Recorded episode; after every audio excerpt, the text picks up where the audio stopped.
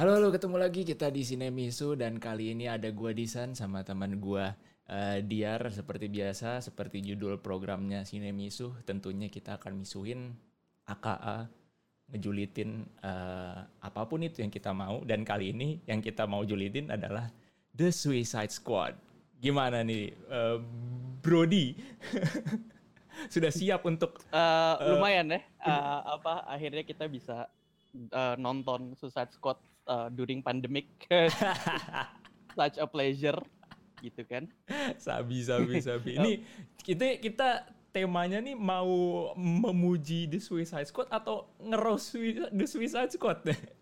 nah enggak kalau kalau menurut gue bro kita apa namanya kalau sebuah film itu memang kita harus melihat dari objektif point of view gitu bro jadi Gokil. kita mungkin ya kan apa yang menurut kita bagus akan kita omongin gitu kan apa yang menurut kita jelek bisa kita omongin juga. Gitu. Gokil. jadi mungkin eh, nanti mungkin para pendengar atau para penonton kalau ada yang mempunyai eh, sudut pandang yang lain juga monggo bisa eh, komentar juga.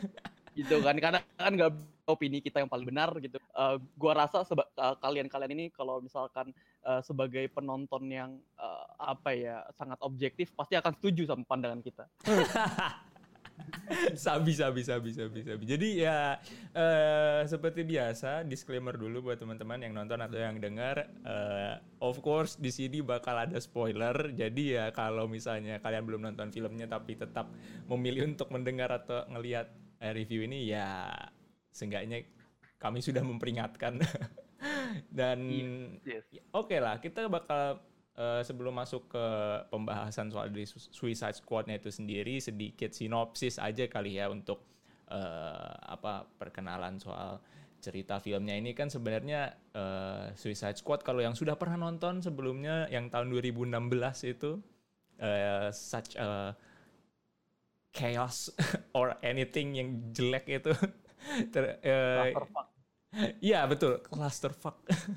Jadi ya The Suicide Squad ini sebenarnya intinya kan sama, mengumpulkan segerombolan eh, super villain eh, di dunia DC, di DC Universe gitu. Mereka dikumpulkan untuk menjalankan misi yang istilahnya apa ya? Misi yang mengo- apa ya? Misi kotor gitu loh maksudnya. Jadi ada pekerjaan-pekerjaan yang tidak ingin dilakukan secara langsung oleh pemerintah Amerika karena diceritanya di Amerika. Eh, Jadi ya supaya mereka bersih tangannya, suruh saja sekumpulan super villain ini untuk melakukan tugasnya gitu. In which kalau misalnya si super villain ini gag- eh, para kumpulan super villain ini gagal melakukan misinya, kalau mereka mati ya nggak ada yang nggak nggak rugi gitu buat pemerintah Amerikanya juga karena ya there a bunch of bad guys gitu ya tinggal cari lagi gitu eh, yang lain buat disuruh ngelakuin misi itu gitu. Nah misinya ini sebenarnya agak agak berat eh, yang ada di film The Suicide Squad ini karena kumpulan eh, super villains ini mungkin yang kita bisa kasih nama yang populer-populer ya kayak Harley Quinn, terus Bloodsport, eh, Peacemaker, King Shark, eh, dan lain semacamnya itu disuruh eh, da- apa ya datang ke suatu negara fiktif yang ada di DC Universe namanya Corto Maltese untuk eh, membersihkan semua jejak terkait dengan suatu proyek rahasia yang dinamakan Project Starfish yang dilangsungkan di negara Corto Maltese itu yang katanya si Project Starfish ini tuh punya potensi bahaya yang cukup besar buat Amerika dan juga seluruh dunia gitu. Kurang lebih ceritanya seperti itulah. Si ya, ya a bunch of uh, these bad guys melakukan misi kotor di Corto, Mar- Corto Maltese untuk pemerintah Amerika dengan iming-iming mereka akan dikurangi hukumannya gitu. Nah, jadi kita langsung bahas aja nih eh, gimana nih Brody soal eh, film The Suicide Squad ini sendiri menurut lu kan ini cukup hype-nya kan cukup besar gitu. Apalagi ini kan The Suicide Squad ini dibilang sebagai dalam tanda kutip soft reboot dari Suicide Squad yang sebelumnya sudah pernah dibikin sama David Ayer tahun 2016. Yang mana sebenarnya untuk Suicide Squad-nya David Ayer sendiri ini sampai sekarang masih ada uh, intrik-intrik lah yang katanya juga akhirnya menimbulkan movement seperti Snyder Cut kemarin ini movementnya hashtagnya release the Ayer Cut. betul betul betul. Itu gue juga baru denger apa dua hari yang lalu itu gue juga bertahu bahwa ada semacam David Ayer cut katanya ya. gitu kan. Gue gara-gara ya betul betul katanya. Karena kalau lu lihat di YouTube itu uh, kemarin gue ngetrace uh, apa the first ever trailer yang keluar untuk Suicide Squad yang 2016 gitu. Jadi kalau lu lihat uh, ternyata itu trailer pertama itu bukan yang ada lagunya uh, apa Queen tuh, bukan yang Bohemian hmm. Rhapsody itu, bukan bukan. Apparently uh, apa soundtracknya uh, beda banget dan itu ngebawa uh, vibe Suicide Squad yang menurut gue juga beda gitu dan hmm. dan dan banyak komen yang bilang bahwa uh, sebenarnya itulah uh, arahan originalnya David Ayer soundtracknya seperti ini nih gitu dan ini uh, yang sudah yang theatrical release itu sudah yang versi studio gitu bu jadi bukan original hmm. visionnya of David Ayer gitu I jadi see, see. Ke kesalahannya sepertinya sama nih dengan uh, perlakuannya terhadap Josh Whedon gitu bahkan Josh Whedon yang keluar theatrical release pun itu bukan uh, original visionnya dari si uh, siapa Josh Whedon juga gitu karena katanya itu juga kan di uh, apa namanya ganggu lah yeah, di, yeah. intervene sama si uh, siapa namanya uh, Warner Bros Studios gitu hmm. kan. Hmm. Jadi jadi perlakuannya sama lah. Gue gue nggak ngerti sampai sekarang uh, itu kenapa studionya seperti itu gitu. Ya. Cuma ya sekarang itulah yang gue ketahuin. Apparently there's a David Ayer cut gitu kan. Iya iya iya. Ada Warner Bros. And so yeah, about yeah. the Suicide Squad itself, ini yeah, uh, yeah. apa ya? Before we go deeper, kalau uh, opini lo in general gitu. Okay. Is it worth the hype? Oke, okay, shit. Um, gue gue gue gue lagi mencari kata-kata yang um, bisa merepresentasikan film itu in general. Oke, okay, um, it's basically a, a popcorn movie gitu sih. Um, uh, buat kalian yang uh, nonton film untuk mendapatkan serunya, funnya gitu. Uh, apa? Be basically ini movie buat kalian lah gitu. Kalian kalau apa namanya kalau kalian casual movie goer sorry banget nih yang yang yang yang nontonnya hanya untuk eh yang penting entertaining gitu. Ya udah oke okay, this is this is it gitu. This is yeah. for you guys. Uh, menurut gue karena karena memang uh, apa namanya apa yang mereka inginkan itu achieve gitu hmm. kayak uh, apa awesome uh, action sequences gitu ya keren banget action actionnya gue nggak hmm. bohong gitu ya uh, apa um, koreografinya tuh oke okay, gitu sama uh, kalau kalian ngelihat dari sisi komedinya juga dapat gitu hmm. loh uh, jadi jadi kalau kalian mencari itunya kalian akan temukan hal itu di Suicide Squad gitu tetapi kalau kalian uh, mencari film yang lebih bermutu gitu ya Gokil. Uh, ya ya lebih bermutu as in uh, apa ada value addednya lah selain dari uh, lucu dan seru gitu ya actionnya yeah. kalian mencari cerita yang lebih oke okay, gitu ya kalian nggak bisa temukan di Suicide Squad ini yang apa uh, James Gunn ini gitu jadi menurut gue pribadi uh, it's overhyped it's overhyped uh, but it's uh, good nonetheless lah buat lo yeah, kalau yeah, lagi iya, bosan yeah, gitu ya.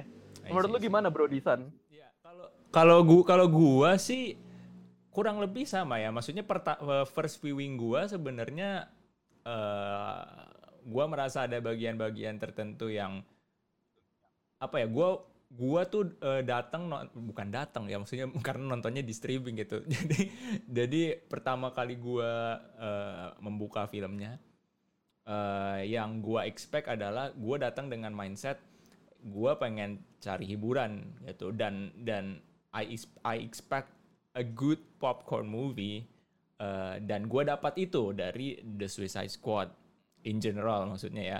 Uh, kayak ya seperti yang lo bilang actionnya asik uh, stylish keren uh, apa ya ada beberapa bagian-bagian tertentu yang menurut gua agak pace-nya agak sedikit dragging dan gue agak doze off karena ya jujur aja gue nonton The Suicide Squad nggak in one sitting. Karena waktu sekitar separuh setelah uh, separuh film jalan tuh gue ketiduran terus gue baru lanjutin lagi abis itu dan gue baru bisa nyelesain filmnya di yang percobaan kedua gitu. Dan tapi ya still it's a very fun movie. Uh, mungkin kalau menurut gue karena ini kali ya uh, yang gue bisa dapatkan dari si The Suicide Squadnya James Gunn ini adalah mereka benar-benar doesn't take itself uh, the the movie I mean doesn't take itself seriously. Uh, dan mereka nggak melakukan itu setengah-setengah nggak half-assed kayak uh, Suicide Squad yang mau nggak mau harus dibandingin. Uh, kayak Suicide Squad yang 2016 yang menurut gue I don't know itu karena studionya atau gimana tapi menurut gue uh, apa ya mereka tuh agak nanggung gitu kalau Suicide Squad yang pertama gitu. Mereka tuh mau jadi film yang gak serius tapi ya nggak nyeleneh-nyeleneh amat juga gitu dan mau dibilang mau dibilang sebagai suatu film uh, comic book movie yang serius pun Suicide Squad ya nggak bisa dibilang seperti itu juga untuk yang si yang tahun 2016 kemarin maksud gue sedangkan The Suicide Squad yang James Gunn ini ya uh, benar-benar bisa menempatkan uh, posisinya gitu. Ini bukan film serius. Uh, it's full of humor, uh, actionnya yang gila-gilaan gitu. Dan mereka tuh uh, James Gunn bikin tuh bener-bener kayak nggak nggak ada restrictionnya gitu ya. Bener-bener sesuka dia aja. And it's fun. It's uh, it's chaotic but fun.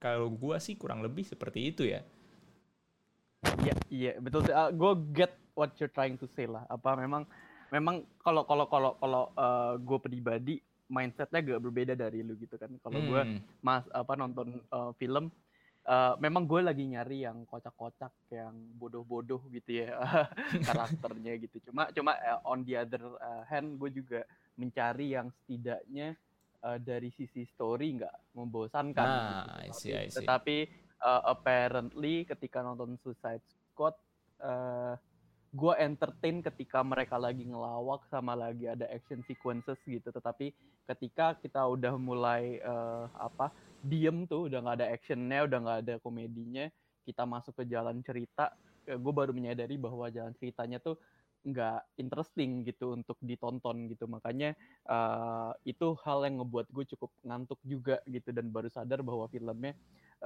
dua uh, jam 12 menit gitu tetapi gue kerasa kayak lagi nonton film 4 jam gitu. Ah. jadi ini kok kerasa, kerasa lama begitu begitu sih bro. nah itu uh, let's try to elaborate uh, poin yang lo bilang tadi. Dari segi dari segi story dari dari segi ceritanya ya maksudnya saat uh, actionnya sedang tidak ada saat mereka sedang tidak bercanda gitu. Uh, apa sih problemnya yang lo lihat dari uh, plotnya The Suicide Squad ini? Oke, okay, um, menurut gue plotnya uh, cukup uh, apa ya, cukup repetitif ya, uh, Bro. Jadi uh, mungkin kalau uh, apa ngomong in general dulu belum cut deeper ke uh, apa namanya spoiler territory repetitif gitu kayak uh, apa memang kan kita kalau di, di sebuah film itu kan kita ada main konflik gitu ya. Main konflik terus nanti ada sub konflik gitu kan. Yeah. nah ini uh, apa sub konfliknya itu repetitif gitu. Itu mulu lagi itu lagi itu lagi itu lagi. Uh, apa terus nanti habis itu baru main konflik gitu. Dan dan uh, gue merasanya cukup repetitif dan boring gitu. Mm. da apa namanya nggak ada nggak ada apa ya nggak ada uh, karena karena repetitif itulah jadinya berasa kayak loh oh kita ke subplot yang uh, membosankan lagi gini ini ini terus gitu. Gak ada yang lagi jadi jadi ya um, that's that sih itu yang menurut gue uh, membosankan gitu. Dan mungkin nanti uh, apa kalau abis ini kita cut into uh, spoiler territory uh, ya itu ada satu plot yang menurut gue kalau kita buang itu nggak akan apa namanya mengubah jalan cerita gitu ada satu subplot yang menurut gue nggak penting gitu terus di akhir ending kayak tiba-tiba muncul terus gue kayak Hah? oh iya ini ada subplot ini ya? ngapain lagi nih gitu. Yang kayak gitu paling Bro Disan. Oh, I see, I see, I see, I see. Uh, tapi kalau kita membahas, I mean, ini kan sekumpulan super villain ya. Uh, menurut yeah. lu, uh, apakah semuanya menarik? Apakah semuanya uh, justified as in semuanya dapat porsinya masing-masing menurut lu gitu? Karena kalau menurut gue ada beberapa tokoh-tokoh tertentu yang buat gue pribadi sangat uh, asik buat dilihat itu. Gue suka bagaimana mereka menampilkan Bloodsport. Gue suka uh, Bloodsport diperanin sama Idris Elba. Terus gue juga suka sama Peacemaker uh, dengan gayanya yang kayak gitu yang diperanin sama si John Cena juga. Harley Quinn, of course, ya menurut gue tidak perlu dipertanyakan lagi gitu.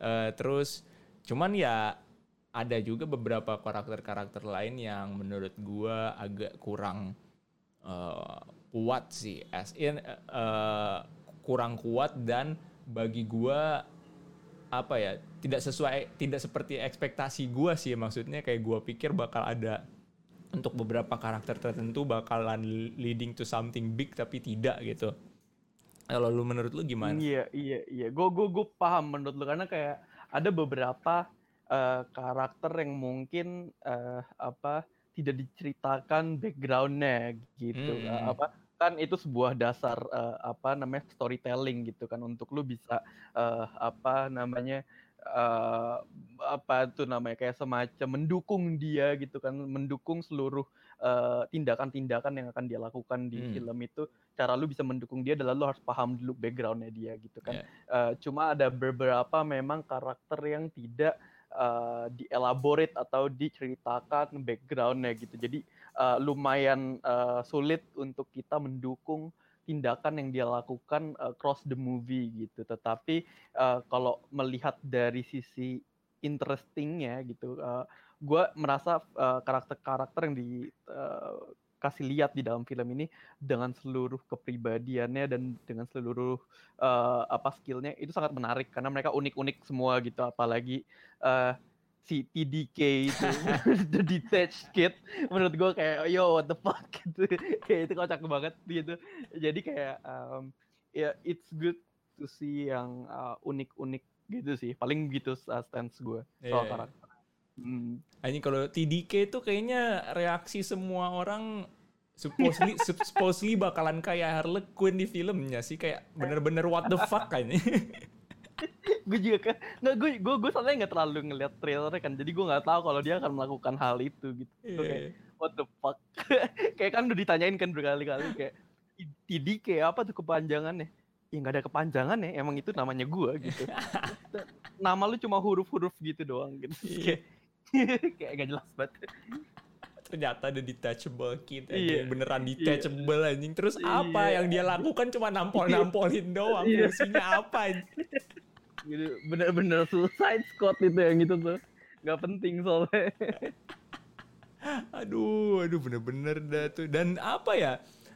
Sebenarnya banyak tokoh-tokoh yang di kita lihat di introduction uh, scene-nya The Suicide Squad itu kan diassemble beberapa orang gitu yang sepertinya tuh kayaknya menarik-menarik gitu kayak si Safan tuh di awal apa ya itu kecelebat sih gue pas yang pertama uh, opening scene-nya kan memperlihatkan Savan tuh kayak yang menacing banget gitu apa gitu terus kayak mereka ya dia diassemble dengan uh, anggota-anggota tim lainnya kayak Harley Quinn, uh, Colonel Rick Flag, terus dia sama sama Weasel, terus sama Jay Flynn, Blackguard, ya gitu gitulah cuman ternyata yeah, yeah. hancur semua tuh. So this is the famous Suicide Squad. Iya terus kayak apa ya? Gue tuh gue mikirnya kayak bakalan ada apa gitu dengan toko-toko itu. Kayak misalnya si Blackguard atau si Savan gitu. Tapi ternyata baru awal-awal sudah lenyap mereka saudara-saudara iya makanya kayak gitu kayak apa namanya itu kayak semacam ya ode to Deadpool menurut gue kayak semacam persembahan atau kayak gitu sih menurut gue.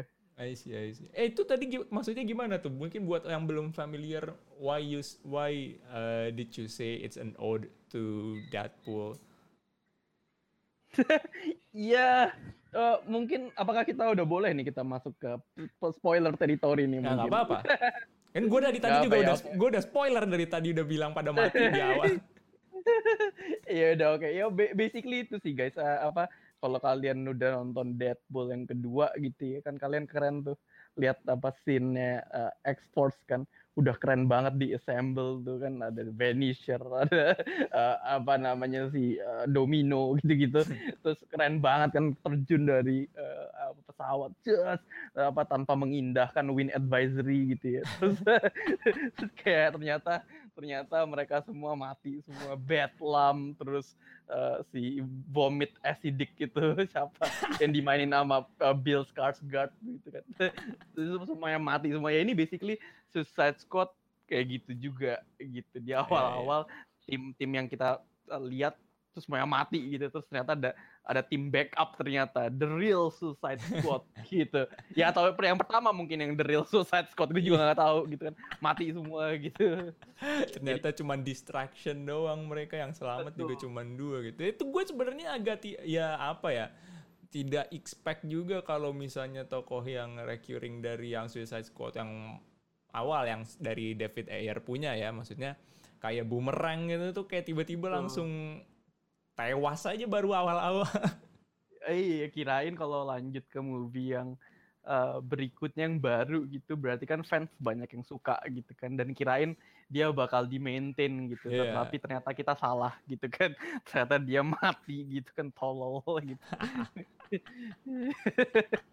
ya, lu itu lumayan lumayan seru lah guys buat dark komedinya gitu, dapat lah. Iya Kalau iya gitu. Uh, mungkin baiknya sih jangan uh, apa namanya baca review eh, apa nonton atau dengerin review kita sekarang ya nonton aja dulu baru kalau belum like. nonton.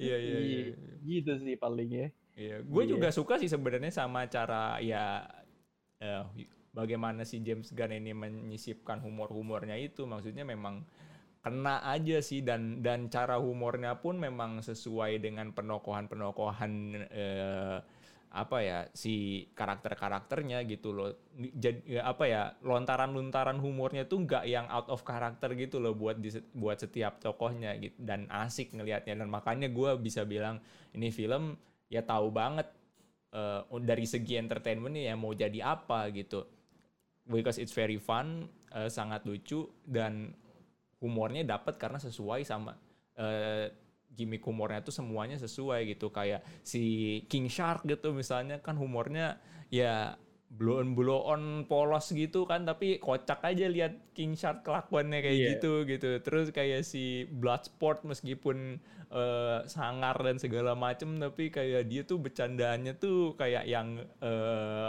awkward awkward gitu loh. Kayak dia tuh mau eh, ngelawak tapi kayak mau tetap terlihat eh, cool and masculine gitu.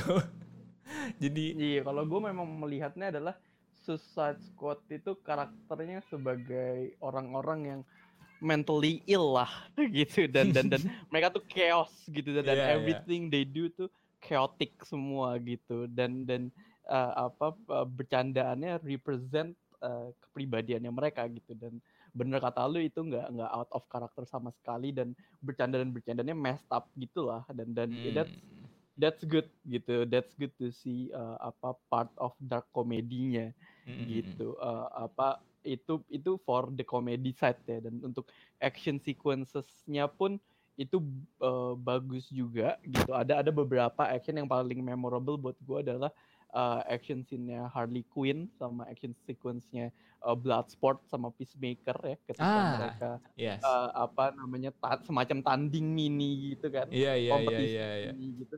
Kayak eh, James Gunn tuh paham gitu cara ngeder kayak gimana caranya eh, kelihatan eh, apa nggak boring dan entertaining gitu. Apa ada beberapa kamera movement yang dia sengaja nggak langsung cut cut cut cut cut gitu kan tetapi sengaja mereka apa namanya dia eh, lamain semacam long shot dikit lah eh, long shot dikit terus kelihatan jadinya koreografinya gitu.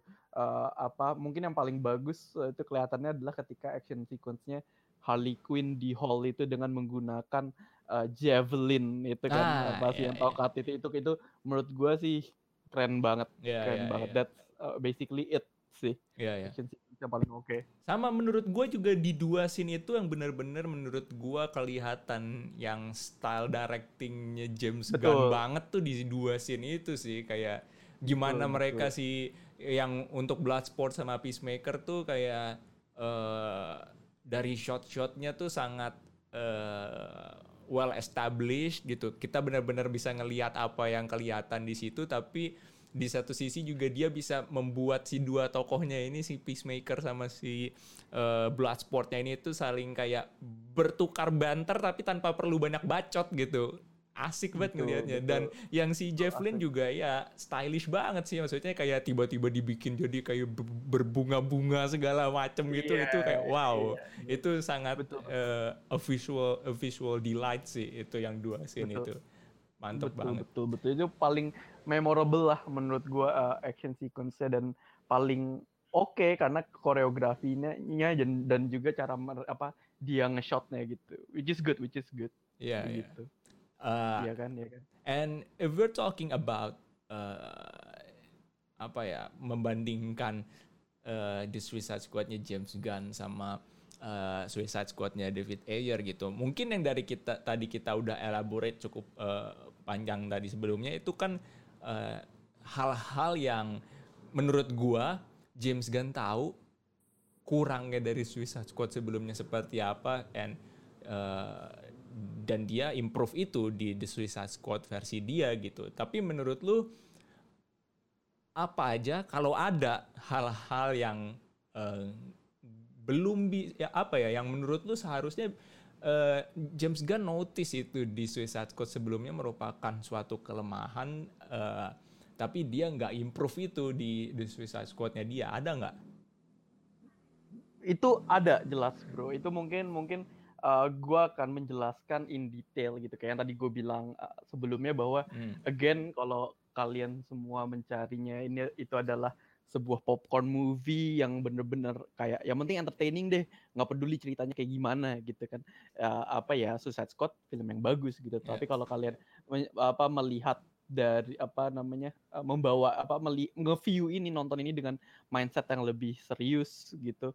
Uh, apa gue rasa kalian akan menemukan beberapa kekurangan gitu. Dan menurut gue yang ini uh, apa di, sangat disayangkan ya kita uh, apa ngelihat filmnya James Gunn yang ini versi Suicide Squad-nya dia gitu. Hmm. karena obviously obviously banget kalau kalian nonton ini kalian akan melihat banyak hal yang dia improve gitu loh dari film selanjutnya gitu seakan-akan dia udah tahu poin-poin yang jelek di mana aja makanya hal itu dia improve gitu di filmnya dia sendiri hmm. tetapi sayangnya ada satu atau dua poin lah yang dia sengaja nggak improve gitu mungkin mungkin gue akan jelasin dulu kalau dari sisi yang dia improve apa aja gitu ya boleh, yang boleh. pertama itu udah jelas yang ini udah jelas banget uh, apa semacam editan atau secara visual gitu ya kalau yeah. kalau kalian notice di Suicide Squad yang sebelumnya tuh rasanya kok gelap banget begitu ya dark banget kayaknya gitu ya yeah. Iya. uh, apa uh, brightnessnya mungkin uh, 0% apa gimana gitu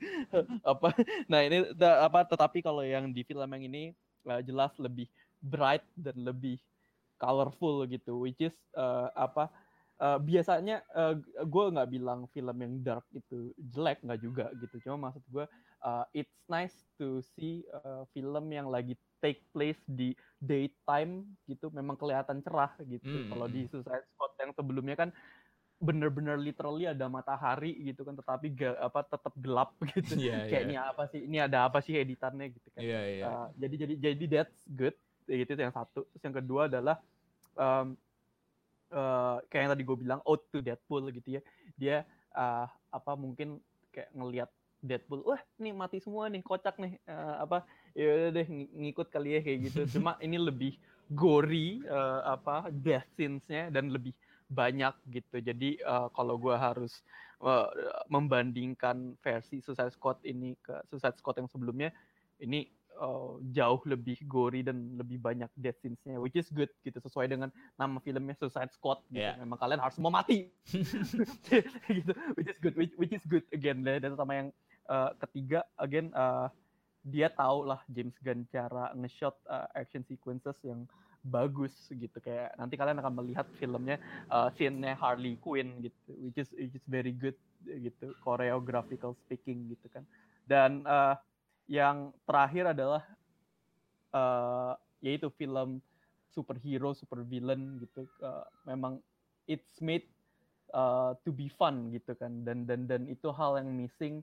di filmnya David Ayer yang sebelumnya. Dan kalian akan temukan di versinya uh, James Gunn gitu yeah, which yeah. is uh, good gitu guys. Uh, tetapi ya uh, menurut gue yang nggak diimprove itu adalah uh, soal uh, sto story uh, developmentnya dan juga karakter developmentnya guys. Itu yang menurut gue masih kurang sih. Uh, hmm. karena kayak yang tadi gue bilang storynya tuh repetitif gitu. Kalau gue harus spoiler uh, dia itu nanti sub subplotnya berkali-kali nyari orang gitu. Kayak pertama kali nyari Flag terus habis itu nyari Tinker habis itu nyari Harley Quinn terus habis itu baru ke Jotunheim ke Project Starfish-nya gitu. Yeah, yeah, kayak yeah.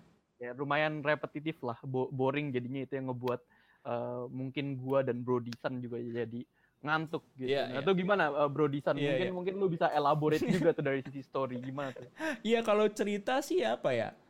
gue sebenarnya ada beberapa poin yang baru nyadar setelah lu juga bilang tadi gitu kayak kalau dipikir-pikir bener juga sebenarnya alur plotnya dia tuh cukup repetitif ya maksudnya intinya mereka datang ke sana kan untuk project starfish gitu ya. Cuman along the way itu untuk menuju ke sana mereka harus melakukan banyak hal dulu. Tapi uh, apa aja sih hal-hal yang harus mereka lakukan itu ternyata yang harus mereka lakukan itu adalah mencari orang-orang gitu. Dan ya mulai dari mulai dari nyari si flagnya dulu kan ketemu sama si flag nyari si Harley Quinn nyari Tinker dulu ya nyari Tinker dulu terus baru habis itu nyari yeah. Harley Quinn kan baru ke sana ya ya apa ya secara pacing cerita it gets stale at times menurut gua. Dan sejujurnya saat mereka menurunkan tensi ceritanya setelah porsi-porsi actionnya itu tuh bisa bener-bener kayak turun banget loh gitu.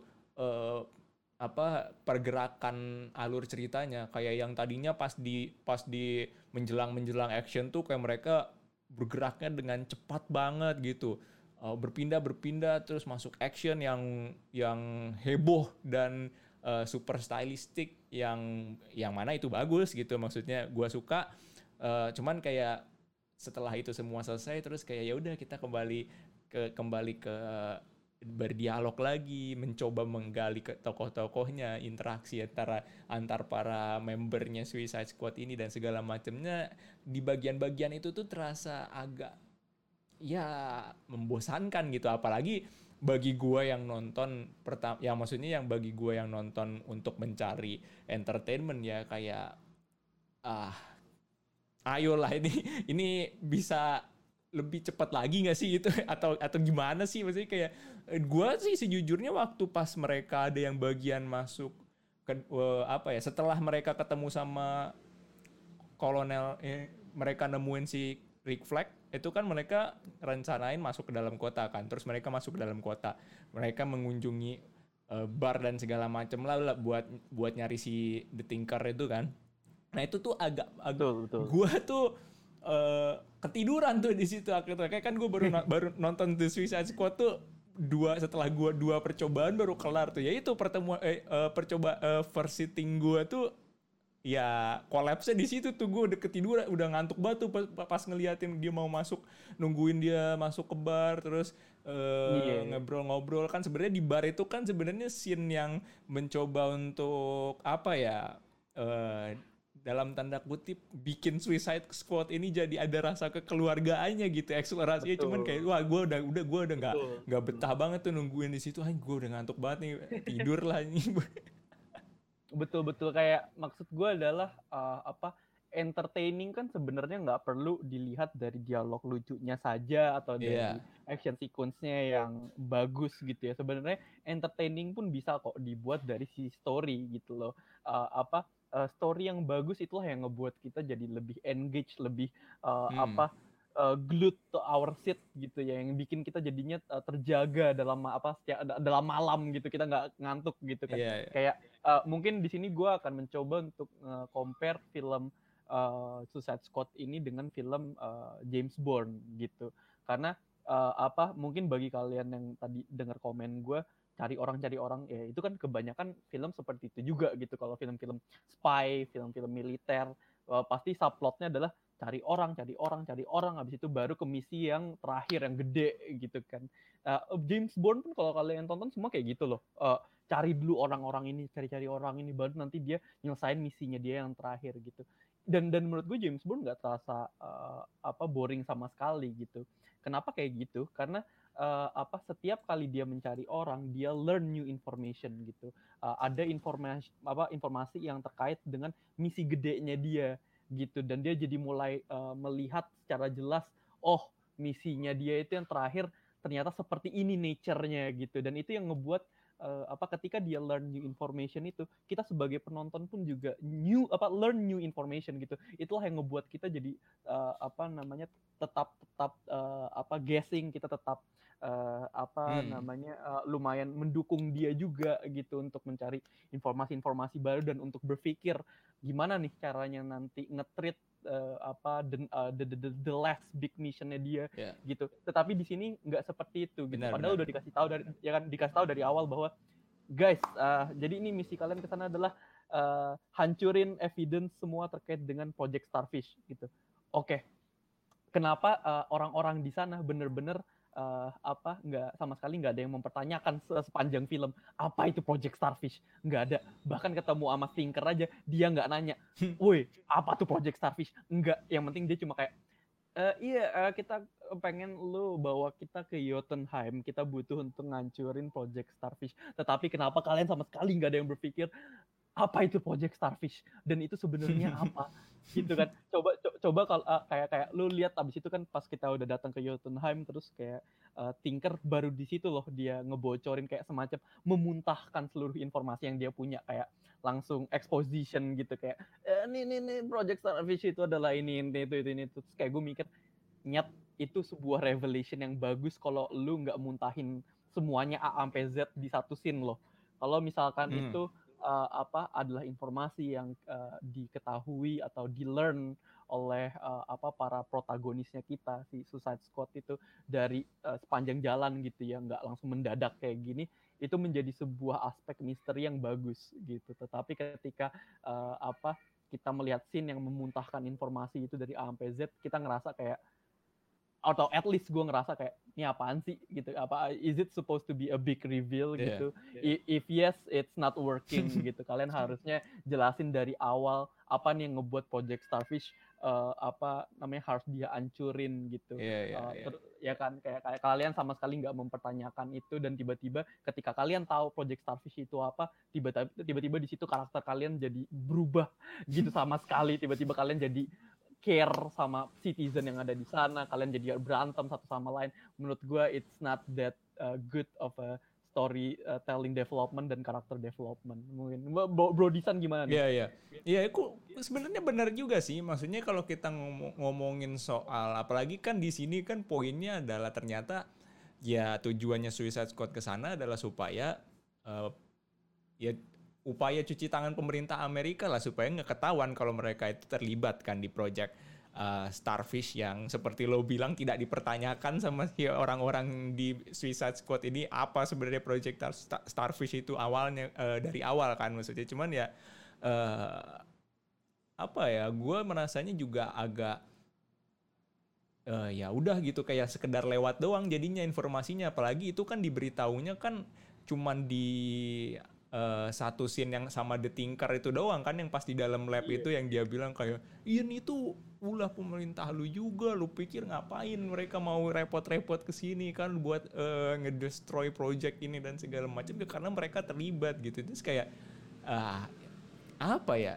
Is that supposed to be something big? Gitu. Ter ya, karena ya uh, jujur aja at at that point maksudnya karena gue merasanya ceritanya sendiri sudah uh, apa ya uh, at that point tuh gue merasanya ya udah I'm uh, gue nonton ini tuh ya udah emang buat enjoy the action uh, dan hal-hal seputar itunya aja gitu loh. Karena gue udah merasa kalau gue terlalu mikirin ceritanya sih kayaknya udah nggak masuk sih ini. Kayak uh, there will be a lot of things that I'm going to uh, complain about gitu. Dan ya benar me karena memang banyak uh, buat gue banyak juga kelemahannya ya seperti itu tadi. Kayak uh, kalau mereka memang mau membuat uh, apa ya gue males banget kalau ngomongnya harus pakai istilah plot twist tapi kayak gue nggak tahu sih istilahnya apa ya mesti revelation ya mungkin revelation, yeah, revelation. kalau revelationnya soal keterlibatan Amerika itu supposed to be that big uh, seharusnya sepenting itu ya di gua sih nggak nyampe karena ya udah kayak informasi lewat doang gitu kan. And it least dan eh, eh, itu berujung pada eh, pertikaian antara si pacemaker sama si Rick Flag kan. Udah aja gitu. Dan gua fokusnya malah jadi ke ya udah gelutnya si Rick Flag sama si peacemaker itu aja. Di, di, bukan ke uh, plot pointnya yang pengen mereka highlight itu. Kalau ini adalah upaya cuci tangannya pemerintah Amerika gitu. Ya udahlah gitu betul. Ya exactly. Kayak uh, apa namanya maksud gue kalau gue jadi uh, filmmakernya gue mungkin jadi director gue akan memanfaatkan tuh celah uh, apa namanya uh, kan tadi yang seperti yang lu bilang storynya banyak yang stale gitu kan. Hmm. uh, gue akan membuat itu menjadi lebih menarik dengan cara gue reveal uh, new information gitu yang lebih misterius. Kayak misalkan ketika cari flag flag kan akhirnya kan ketemu sama si resistance kan walaupun resistance ini menurut gue nggak penting nah gimana caranya gue bisa membuat si resistance itu bisa mempunyai andil atau ternyata dia menambahkan value added ke dalam film ini. Kalau gue uh, apa jadi directornya atau gue jadi apa scriptwriternya, gue akan membuat bahwa si uh, resistance team ini memberikan informasi baru kepada si eh, hmm. uh, siapa namanya Rick Flag yang mana Rick Flag akan ngasih tahu itu ke tim Suicide Squad yang lain. Mungkin nanti mereka akan ngasih tahu bahwa oke okay, Project Starfish tuh uh, guys gue melihat banyak banget citizen kita yang jadinya menghilang gitu uh, apa mereka datang semua ke Jotunheim dan nggak pernah balik lagi gitu uh, apa gue merasa itu ada sesuatu hal di sana gitu uh, apa yang perlu dia investigate atau bagaimana gitulah yang hmm. ngebuat orang-orang jadi semacam kayak eh, oke okay, kenapa semua pada ngilang aneh banget gitu ternyata kan mereka hilang semua karena dijadiin feeder kan buat yeah. si uh, siapa namanya starfish ini gitu terus habis itu ketika ketemu sama uh, Tinker mungkin kita dapat information bahwa uh, lu tuh semua di sini tuh datang ke sini tuh sia-sia karena kalian semua tuh uh, sebenarnya ini adalah untuk upaya di tangan gitu gitu gitu itu itu di situ udah mulai keiris informasi itulah udah mulai dikasih tahu bahwa uh, apa you're doing a, a wrong thing here guys gitu. Mm. kayak di situlah di situ uh, ketika uh, Thinker memberikan informasi itu uh, apa kita baru akan melihat uh, perdebatan antara Rick Flag uh, dan juga si Peacemaker gitu. Uh, nanti uh, apa mereka udah mulai guessing nih di antara mereka apa di dalam diri mereka sendiri. Oh, kalau misalkan apa yang dia omongin bener, gue akan uh, ngasih tahu datanya itu ke the world gitu tetapi dari peacemaker sendiri oh enggak men uh, for for the sake of apa peace gue nggak akan mau uh, apa namanya ngebocorin informasi keterlibatan AS ke masyarakat gitu nah di situ udah mulai kelihatan tuh uh, apa namanya uh, the isu konflik antara peacemaker dan Rick Flag gitu. hmm. jadi nggak terlalu mendadak pas lagi di sana yeah, gitu yeah. Gue akan keep it, gue akan keep it interesting dengan cara nyebarin beberapa misteri along the way, biar kita juga engage dengan sisi storynya gitu kan. Uh, apa Jason Bourne tuh kayak gitu film-filmnya dan itu yang bikin menarik. Gitu sih. Uh, paling mungkin dari sisi story, uh, gue akan ngebuat uh, seperti itu dan uh, ya itu seperti yang uh, lu bilang sendiri, uh, Bro Disan, uh, apa effortnya mereka untuk ngebuat tim Suicide Squad ini uh, bonding gitu hanya di satu scene doang, di pub scene doang yeah. gitu kan. Dan itu pun menurut gue kayak agak sudden gitu. Oke, okay. gitu kan terus habis itu ya udah habis itu harusnya kita learn uh, apa namanya beberapa background dari uh, orang-orang Suicide Squad ini tapi ternyata di situ yang di highlight cuma si Bloodsport sama si Red Red, Catcher doang. Ya kan ya kan ya, mungkin that's it kali Bro Disan dari sisi story. Mungkin lu mau menambah kan? Iya, iya. Ya, I think kalau untuk soal story ya concern gue kurang lebih sama sih sama kayak lo gitu. Dan uh, this is a problem juga buat gue yang pada akhirnya kenapa ya itu tadi gue memilih untuk kayak ya udah just enjoy it as a fun action popcorn movie ya. Karena apa ya gue termasuk salah satu yang kalau nonton uh, film kalau memang pengen gue coba tonton dengan lebih serius gitu ya maksudnya gue sangat uh, melihat bagaimana karakter-karakter di satu film itu kemudian dikembangkan gitu loh. Karena buat gue selain selain plot alur ceritanya gitu uh, salah satu backbone uh, film adalah uh, karakter-karakternya yang ada di dalam suatu film itu sendiri gitu. Seberapa intriguingnya mereka untuk dilihat uh, developmentnya dari awal sampai akhir gitu. Dan itu menurut gue yang agak kurang uh, kena kalau di The Suicide Squad-nya James Gunn ini gitu. Maksudnya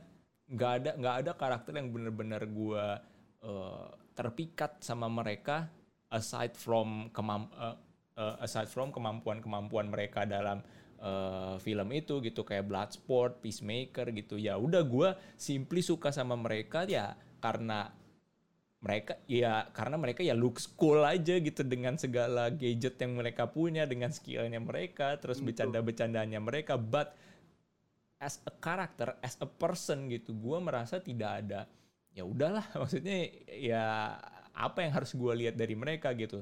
Cara mereka bonding untuk uh, develop uh, hubungan mereka dan membawa karakter mereka lebih uh, perkembangan karakter mereka lebih jauh gitu pun menurut gue sih uh, ya hampir nggak ada sih gitu. Ya maksudnya kayak kita lihat lah uh, si Bloodsport sama Redcatcher 2 yang mau dibikin seperti ada koneksi orang tua dan anak gitu seolah-olah di misinya itu ya. Maksudnya menurut gue ya apa gitu nggak nggak nggak nggak ada nggak ada reasoning yang benar-benar kuatnya kenapa mereka kenapa James Gunn men, uh, mencoba untuk develop hal itu nggak sih kalau menurut iya, lu iya. Kayak gitu, paling yang foreshadowingnya paling cuma yang di bus aja kan yang mereka lagi Tuh. jalan uh, mau ke mana itu kan. Kayak si si si Bloodsport kayak bilang ke si Redcatcher ya lu kayak anak gue dah gitu. Iya. Terus itu baru baru dia bilang akhirnya kayak I'm gonna get you out of here alive gitu kayak. Terus kayak ya kenapa bos? Cuma karena lu remind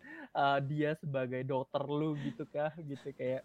Nah, tapi menurut gue ya di sini kalau itu interesting tadi yang lu bilang uh, karakter uh, development mungkin uh, selain bonding antara tim uh, Suicide Squad kita harus ngelihat juga secara individual apakah mereka semua ini mencapai arc uh, apa karakter development yeah. gitu ya kayak mungkin kalau kita harus uh, apa dapat contoh itu dari filmnya James Gunn Guardians of the Galaxy 2 kan si Yondu tuh hmm. lu kelihat kan di di Guardians of the Galaxy 2 yang pertama dia selfish ya kan yeah. tadi lu dikasih yeah. lu di, lu awal-awal ketemu sama si Sylvester Stallone kan dibilangin bahwa lu, lu nanti ketika lu mati itu uh, uh, trompet apa itu nggak bakal bunyi pas lu mati gitu tetapi akhirnya di akhir-akhir cerita dia sacrifice uh, himself uh, for Peter gitu kan dan akhirnya ketika dia meninggal ada upacaranya itu kan buat ranger ranger itu yeah, yeah. which is which is itu itu uh, a nice character arc gitu dari awal film sampai akhir. Lu ngeliat karakter developmentnya dia seperti apa gitu. Dan uh, ini nggak kita ketemukan gitu di dalam Suicide Squad yang baru gitu. Yeah. kayak uh, kita ya, kita tend to forget bahwa orang-orang di dalam Suicide Squad ini adalah mereka semua mercenaries gitu ya. Mereka bad guys mereka itu villain gitu kan. Jadi ketika mereka akhirnya tiba-tiba di akhir film mereka mencoba untuk menyelamatkan orang-orang gitu ya uh, kita jadi nggak ngerti reasoningnya gitu. Why? Gitu yeah. kan. Kayak ini udah dikasih tahu nih Bloodsport adalah uh, orang yang willing to kill for uh, apa money gitu kan. Peacemaker yeah. willing to kill uh, apa child and woman alike uh, apa namanya agar ada peace gitu kan. Harley Quinn dia ngebunuh orang sesuka dia, oke. Okay? King Shark juga, oke. Okay? Nah itu itu uh, hal-hal yang kita tend to forget ketika kita nonton film yang tentang anti-hero gitu. Ini kenapa nih hmm. tiba-tiba dia jadi care gitu. Kalau Deadpool kan enak gitu loh bro, lu nontonnya. Uh, kenapa dia mau nyelamatin si Vanessa? Ya, basically gue nggak peduli dengan dunia, tetapi Vanessa adalah pacar gue gitu. Cuma kan kalau ini lebih a big mission gitu ya.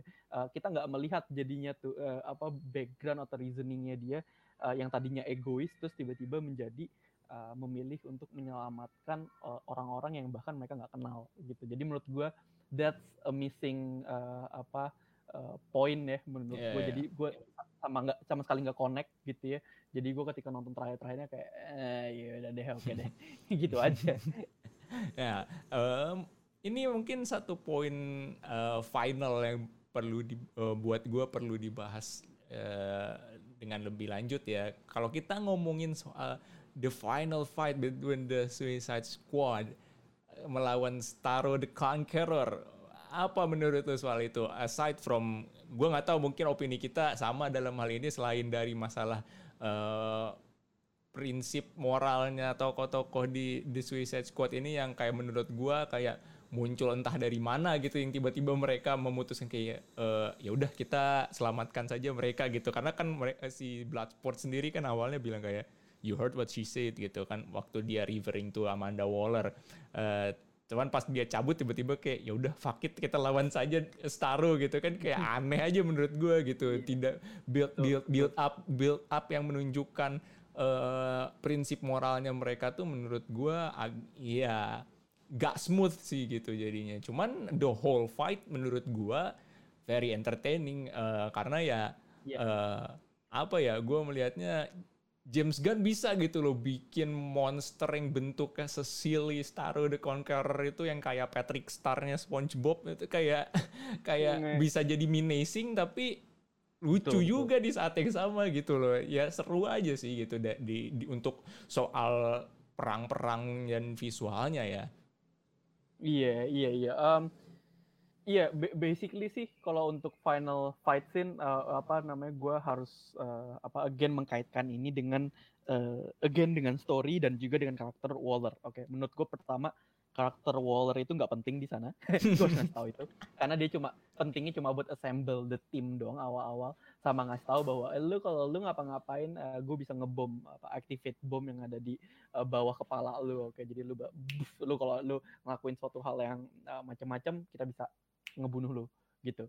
Uh, apa tuh satu dia karakternya nggak penting oke okay? uh, terus yang kedua adalah uh, again dari story uh, tiba-tiba uh, kalau kalau kalian semua nanti udah nonton kalian akan tahu tuh bahwa initial objective uh, apa buat Suicide Squad uh, apa ke Jotunheim itu adalah untuk uh, apa destroy all evidences of uh, Project Starfish ya. Dia harus ngancurin seluruh bukti-bukti yang terkait dengan Project Starfish. Oke. Okay? Nah, uh, abis itu uh, kita tahu bahwa di akhir di, di final fight scene itu bahwa sebenarnya uh, yang dia pengen uh, apa uh, ancurin itu uh, ada spesifik information yaitu adalah keterlibatan Amerika Serikat dalam pengembangan uh, apa project Starfish ini gitu. Dia nggak mau ketahuan makanya dia pengen itu dihancurin gitu. Uh, makanya dia mikir kayak ya udah selama itu udah dihancurin eh, kita nggak peduli sama Starro oke biarin aja tuh Starro. Udah lu, lu lu yang penting cabut deh dari sana gitu. Cuma it doesn't make sense gitu. Uh, apa namanya tahu dari mana dia Starro itu nggak akan uh, apa uh, mencapai ke US gitu. Uh, kalau gue jadi si Amanda Waller, gue gua akan bilang bahwa bro uh, apa namanya lo harus matiin tuh si Starro bro karena kalau lu nggak bunuh dia di sekarang terus ntar dia tiba-tiba berenang gitu ya ke US itu bakal nggak apa namanya uh, mengakibatkan uh, kematian yang banyak juga ke rakyat US gitu I, itu itu merupakan jalan pikir yang logis menurut gue seperti itu gitu bukan yeah. kayak yeah. Eh, udah deh yang penting lu cabut dari sana gitu kayak yeah, what yeah. the fuck aneh banget menurut gue yeah, yeah. paling gitu sih bro ya iya iya benar-benar Iya, nggak nggak ada jaminannya juga gitu loh. Maksudnya alasannya Waller suruh pergi mereka pergi kan karena ya, suruh mereka pergi karena ya udah gitu biarin aja uh, ada kekacauan di negara yang udah gak dianggap sebagai alainya Amerika Serikat gitu kan. Eh, kayak ya itu would be good buat pemerintah gitu. Cuman ya kalau dipikir-pikir benar juga gitu loh. Kalau si Starro ini udah ngamuk udah menguasai Corto Maltese uh, apa terjamin gitu maksudnya kalau dia ya udah dia bakal diam di situ aja gitu nggak pergi ke mana-mana gitu tidak memutuskan untuk nyebrang ke Amerika gitu. iya iya iya betul betul betul dan dan kalau gue jadi direkturnya atau gue jadi scriptwriternya gue nggak akan ngebuat karakter karakter Suicide Squad ini menjadi peduli sama si citizennya tetapi kalau gue jadi director atau scriptwriternya gue akan ngasih tahu bahwa eh, lu kan tahu kan Starro gede banget itu udah kayak udah kayak Gundam udah kayak Godzilla oke okay? Gue akan ngebuat gimana caranya mereka akhirnya pengen ngebunuh si Starro ini yaitu dengan cara uh, apa mereka itu sebenarnya mau dijemput nih bro sama helikopter tetapi ketika helikopter mau turun dihancurin sama Starro Jadi dia bilang bahwa lo kayaknya cara-cara satu-satunya cara lu untuk keluar dari Corto Maltese dijemput pakai helikopter adalah lu harus ngancin Staronya dulu bro, baru kita bisa land ke, ke Corto Maltese. That's that's the the, the only thing uh, yang ngebuat lu bisa bisa ensure your survival. Nah baru abis itu yeah. dia kayak ya ya ya udah. Ya kan? Yeah. gue gue pengen survive. Oke kita kita kita hancurin deh si Staro ini. Bukan dia pengen nge-save uh, individu-individu yang di sana. Menurut gue itu lebih lebih pas dengan karakternya mereka yang egois. Iya betul betul. Iya ya, ya kan cerita yang lu propose itu eh, sebenarnya kalau melihat penokohan penokohan tokoh-tokoh ya karakter-karakter di The Suicide Squad ya lebih make sense gitu dan dan iya. dan logika ceri logika yang ada di ceritanya pun lebih masuk gitu loh daripada membuat iya. mereka kayak tiba-tiba out of nowhere aku peduli pada rakyat Korto Maltese iya. karena karena kita iya. karena kita kan udah bantuin si pasukan resistance ya nih gitu iya, gak jelas itu resistance tuh gak jelas banget tuh ya itu yang gue kaget adalah yang tiba-tiba dia kayak kayak kayak, kayak kan si ada tuh yang si tua mati yang yeah. presiden terus habis itu mereka di sana kayak eh nih si Nganu udah mati nih uh, berarti gue presidennya. Terus tiba-tiba si resistance maksuk gitu. Terus yeah. woi lu kita kita bunuh nih kita rakyat resistance akan take over Kortomalis satu gue kayak okay out of nowhere guys really I don't care about your subplot. Like yeah, yeah. what the fuck banget tapi kalau soal karakternya gue baru kepikiran juga gue eh, ternyata ada satu bagian yang menurut gue cukup bagus kalau ngomongin soal eh, penokoan ya gue di situ melihat ada satu bagian eh, di mana Harley Quinn itu kalau nggak salah yang waktu dia habis ditangkap dia diajak mak diajak mau diajak kawin tuh sama si salah iya, satu yeah, yeah. pimpinannya itu kayak di situ gue bisa melihat bagaimana Harley Quinn itu point of, point of view-nya dia melihat kehidupannya dia dan laki-laki yang ada di sekitar dia setelah dia dimanfaatkan uh, oleh Joker and things like that gitu loh. Di situ meskipun adegannya brief menurut gue di situ ada satu sisi yang cukup menarik sih menjabarkan bagaimana point of view-nya si Harley Quinn terhadap orang-orang yang di sekitarnya dia terutama ke laki-laki gitu.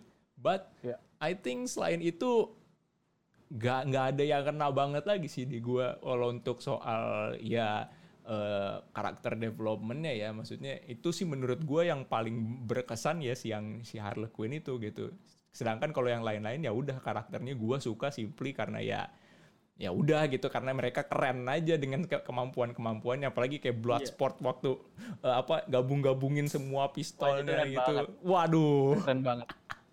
asik keren banget, asik eh, banget. Iya tapi ya soal Harley Quinn kayak kayak uh, it's nice to know her point of view gitu ya kayak yeah. twisted banget dia dengan uh, perlakuannya dia terhadap para pria gitu yeah. ya. Iya. sampai-sampai kalau ada yang red flag langsung dibunuh yeah. gitu iya. kayak what the fuck itu itu kocak banget cuma maksud gue ya udah that's it gitu. yeah. jadi uh, kalau kalian memang cari filmnya itu yang uh, entertaining dari sisi komedi sama dari sisi actionnya this is it for you guys uh, Suicide Squad buat kalian tetapi kalau uh, kalian mencari story apa namanya yang storynya bagus karakter developmentnya hmm. oke okay, it's not for you guys gitu sih itu yeah. menurut gua sih I see I see oke okay.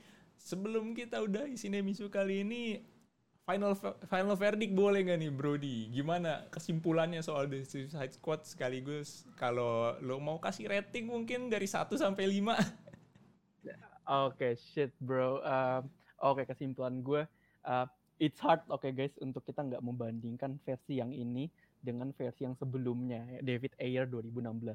Kalau kita bandingin, jelas Suicide Squad yang ini banyak banget improve-nya dan jauh lebih bagus yeah. gitu. Tapi kalau kalau kalian melihat ini sebagai satu film yang berdiri sendiri tanpa harus kita banding-bandingin dengan film yang sebelumnya gitu. Uh, film ini jelas masih mempunyai beberapa kekurangan gitu uh, apa dan menurutku cukup uh, major kekurangannya itu di masalah uh, story dan juga karakter uh, development gitu. Dan menurut uh, gue sih ratingnya mungkin this is uh, tiga da, apa dari lima lah gitu. Kalau Bro Disan gimana nih? I see I see I see. Ya kalau gue sih uh, apa ya, ya overall menghibur. Jelas sangat kelihatan bedanya dengan yang David Ayer uh, to the point menurut gue rilis di air cut itu udah nggak penting lagi gitu loh. Kayak terlepas dari itu beneran ada atau enggak yang air cutnya kayak it's not relevant anymore when you already have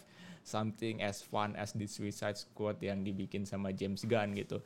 Meskipun benar juga kata lo kalau misalnya uh, mau men, apa ya istilahnya ya uh, ditelaah dari segi cerita dan segala macamnya di breakdown dan segala macam ya uh, masih banyak kekurangannya gitu dan mungkin bisa jadi memang itu yang disacrifice sama si James Gunn untuk uh, hmm. menghasilkan film ya yang memang seperti itu yang dia pengen gitu jadinya ya apa istilahnya ya uh, lu nggak bisa memenangkan semuanya gitu loh jadi kayak yeah. ya iya. mungkin itulah uh, ya yang harus dia bayar gitu loh ya, dengan mengorbankan beberapa banyak hal di segala cerita dan segala macamnya gitu. Tapi ya kalau gue pribadi memberi rating karena gue cukup mudah uh, disway dengan action dan visual yang uh, bagus, yang benar-benar dipikirin gitu loh, yang ya, yang nggak sembarangan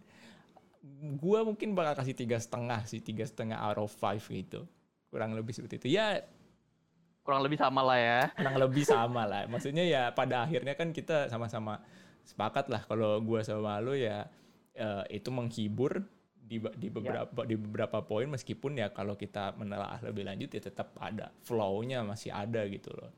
Betul yeah. betul, betul. oke okay deh. ya sekitar segitulah nilainya lah ya. Iya. Thank you banget Brody uh, thank you, atas rentingnya. Iya nih udah udah udah udah enak nih tidurnya nanti malam.